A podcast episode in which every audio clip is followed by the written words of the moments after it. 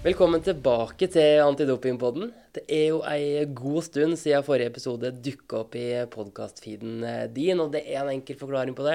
Jeg har vært ute i pappaperm, og derfor har det vært stille fra oss i Antidoping Norge på podkastfronten siden våren. Men nå er jeg og Anne Margrethe Hauske Nordberg tilbake. Endelig er du tilbake, Gjermund. Og uh, vi kan love kjekke episoder utover. Det har allerede hatt besøk av Hedda Hynne. Ja. Og uh, vi har òg en avtale med Eivind Henriksen, så jeg kan love at det kommer en friidrettsepisode ganske snart.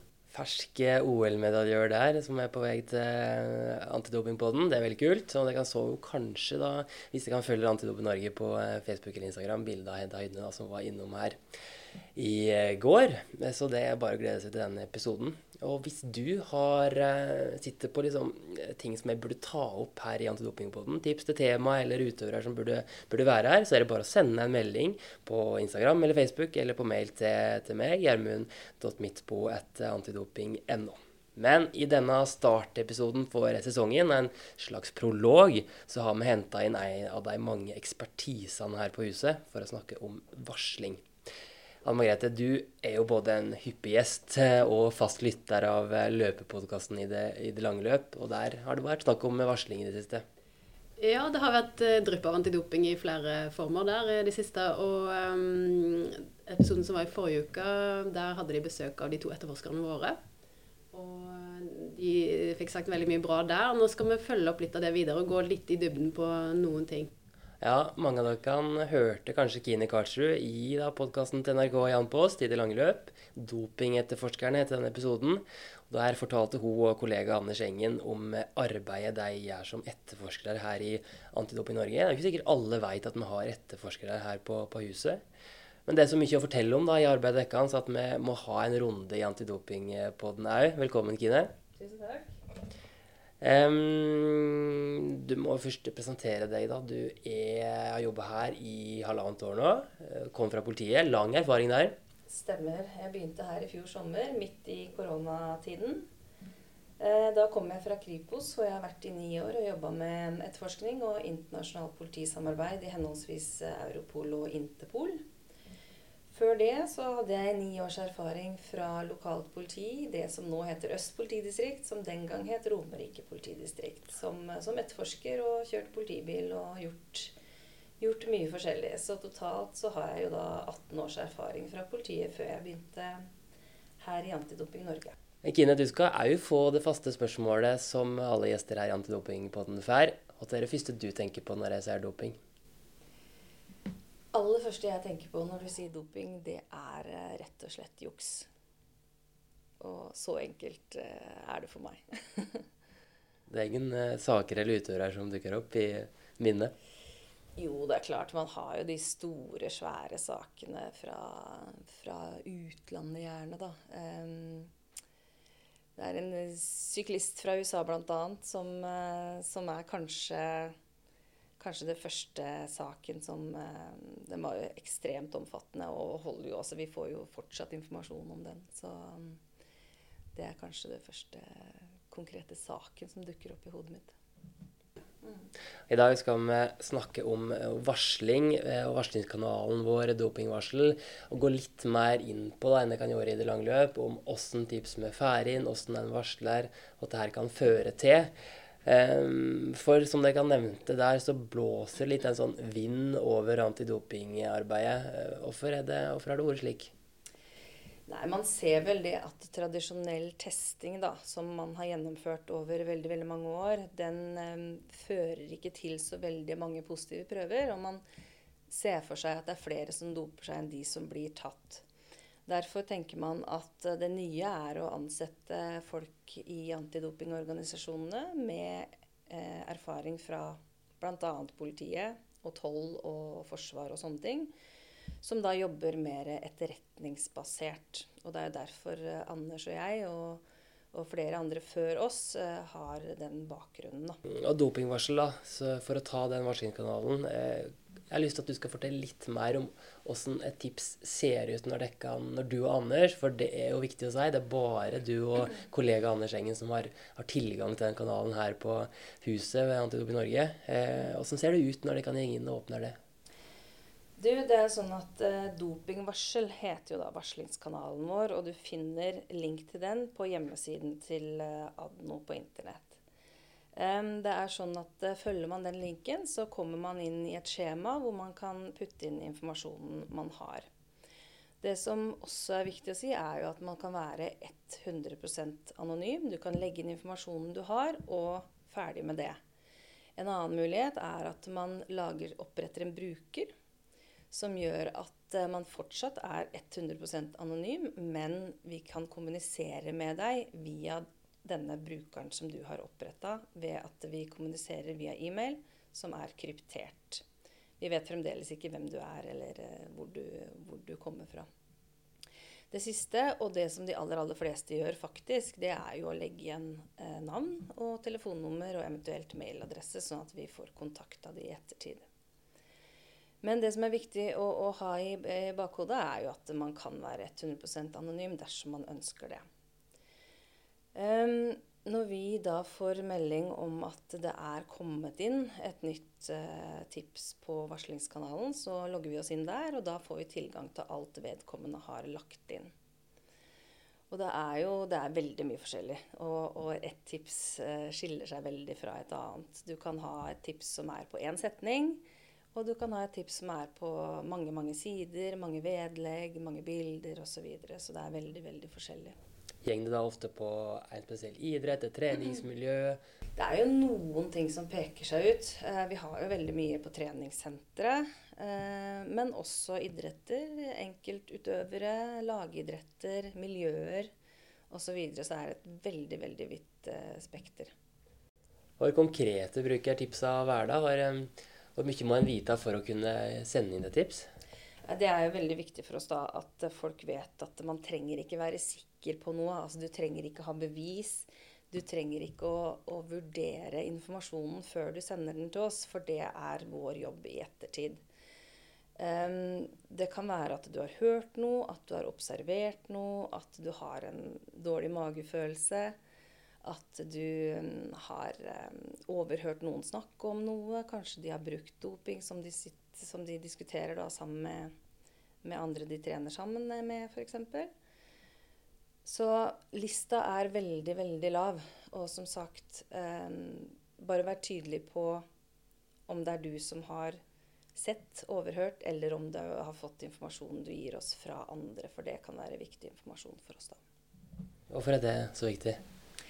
Er litt i forhold til eh, Du husker viskeleken da vi var barn, liksom. Om det er eh, Om eh, informasjonen har gått via fire, fem, seks, sju personer og til den som kontakter oss, eller om det er du selv, altså varsleren selv, da, som har opplevd, sett og hørt. Det er, det er viktig at vi har i bakhodet. Men åssen konkrete eksempel kan det være som kommer inn da? Ja, det kan jo være at noen har sett noe, noen har hørt at noen har prata om noe. Um, det kan være om miljøer, det kan være om enkeltpersoner. Um, det kan være folk som har dårlige holdninger, eller som er da positive til doping i idretten f.eks. At noen får ekstreme resultater, um, altså påfallende fremgang. Eh, det kan jo være at man oppdager tomme esker, eh, overleveringer, pakker, eh, glass med innhold, sprøyter, brukte sprøyter, sprøytespisser, sånne ting. Som man finner i søppelkassa på trening f.eks. For, eksempel, for å nevne noen konkrete ting. Anne Grete, du har jo konkurrert og vært utøver i veldig mange år, og du gir det jo ikke. Du har jo raska sammen et par NM-gull siden sist vi hadde podkast i Antidopingpodden. Åssen eh, tror du det er for en utøver å, å skulle varsle på en, på en lagkamerat eller en konkurrent, eller åssen tror du det er? Det, det sitter nok langt inne for de fleste, tror jeg. Um, og jeg pleier alltid å si at konkurrenter er kollegaer. Det var nok noe jeg ble mer og mer bevisst på utover karrieren, tror jeg. At, hvert fall Spesielt hvis eh, idrett er jobben din, da, så er, er det virkelig konkurrentene dine er kollegaene dine. Ikke bare lagkameratene dine, men, men konkurrentene dine er jo det. Og de vil man jo gjerne ha et godt forhold til. Det, det er de du møter blikket til rett før du skal prestere og være på topp. Og da skal du ikke ha noe usnakka med de helst. Så jeg tror det sitter ganske langt inne å mistenke de for noe. Um, For de er jo, altså det har vi jo sett bevis på gang på gang, at selv de som doper seg, det kan være veldig trivelige folk. Så man blir jo ofte overraska, ikke sant. Det er ikke noe eh, samsvar der med at du trenger å være en drittsekk for å drive med doping. Eh, Men eh, jeg tror det nok det er sånn for de fleste at ja, det sitter langt inne å mistenke noen i sin egen idrett, men jeg tror de fleste som satser på idrett, har, eh, har nok en mistanke mot utøvere i andre idretter. Eh, Det er vel vist i spørreundersøkelser òg, som jeg har vært borte uten at jeg kan, eh, kan referere nøyaktig til det nå. Men eh, det er noe med det, da. Eh, Og, og sånn som jeg har forstått, så kan man jo til og med tipse om, om utøvere fra andre idretter òg, og fra andre land. Eh, Så hvis vi samarbeider her og tenker at eh, hele verden skal jobbe sammen for å få en renest mulig idrett, og, og rive litt ned i grensene mellom idretten og landene, så kommer vi jo et stykke videre. For det er jo sånn at man trener steder hvor det er folk fra andre idretter. Man følger med på andre idretter. Man snakker med norske utøvere som driver andre idretter. Man, man fanger opp ting, tror jeg, da. Men så er det det å, å, å, å bli trygg på det som Kine sier, tror jeg, da. At terskelen må være lav for å si fra. Du trenger ikke ha bevis. Å ha en dårlig magefølelse. Du har hørt noe, og så sier du fra. Mm. Vi får jo også tips fra sofasittere ikke sant? som sitter og ser på TV og reagerer og stusser på eh, resultater eller utøvere som plutselig plutselig kommer fra intet og, og hevder seg. Så som Anne Margrethe sier, terskelen er veldig, veldig lav. Og for selv om jeg vet at du, Kine, er ekstremt sportsinteressert og følger med på mye, men Ja. du kan vel ikke ha oversikt over på alle de idrettene som blir drevet med i Norge til enhver tid? Det er noe med det, altså. Jeg skulle veldig gjerne hatt det, selvfølgelig. Og, og, hatt oversikt over alt som, som foregår, men det har vi dessverre ikke. Så jeg tenker jo at eh, de som Anne Margrethe refererer til, som reiser hele året, eller i hvert fall i, i sesong, reiser verden rundt, møter masse andre utøvere, både fra sin egen og ikke minst andre idretter. Um, det de opplever der, det, det får jo ikke vi med oss. Vi får jo liksom med oss det som ser på, vi ser på TV, eller det vi leser i avisen. Så, og det er liksom de tingene man stusser på og reagerer på der, da, som vi veldig gjerne vil eh, ha litt informasjon om. Og det er som ble sagt at um, også internasjonale utøvere, selvfølgelig ikke bare norske utøvere. Vi har et veldig bra internasjonalt eh, samarbeid. Eh, så mm, det er bare å varsle på utenlandske utøvere også. Ja, Fortell litt om det, for det er jo ikke bare i Norge vi har en sånn varslingskanal. og Hvis dere kan en da informasjon fra, om utenlandske utøvere, så, så kan dere dele det med de aktuelle eh, antidopingorganisasjonene.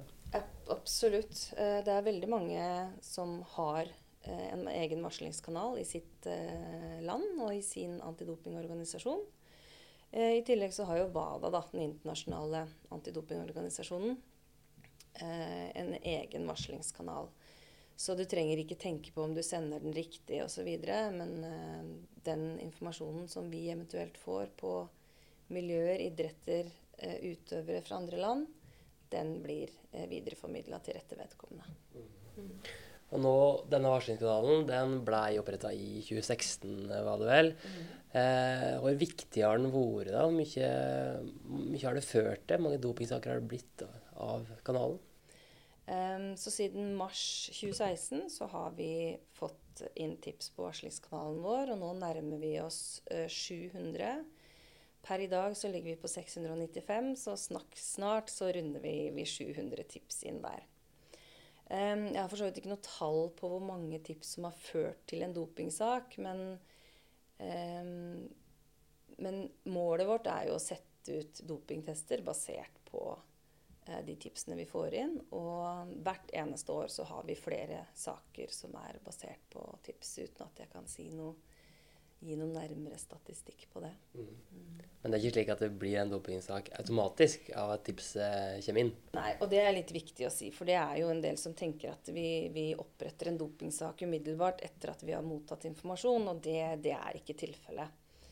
Det kan være at vi, vi jobber jo med all informasjonen vi får, eh, og vi, kan vi ta kontakt med melder, så gjør vi det.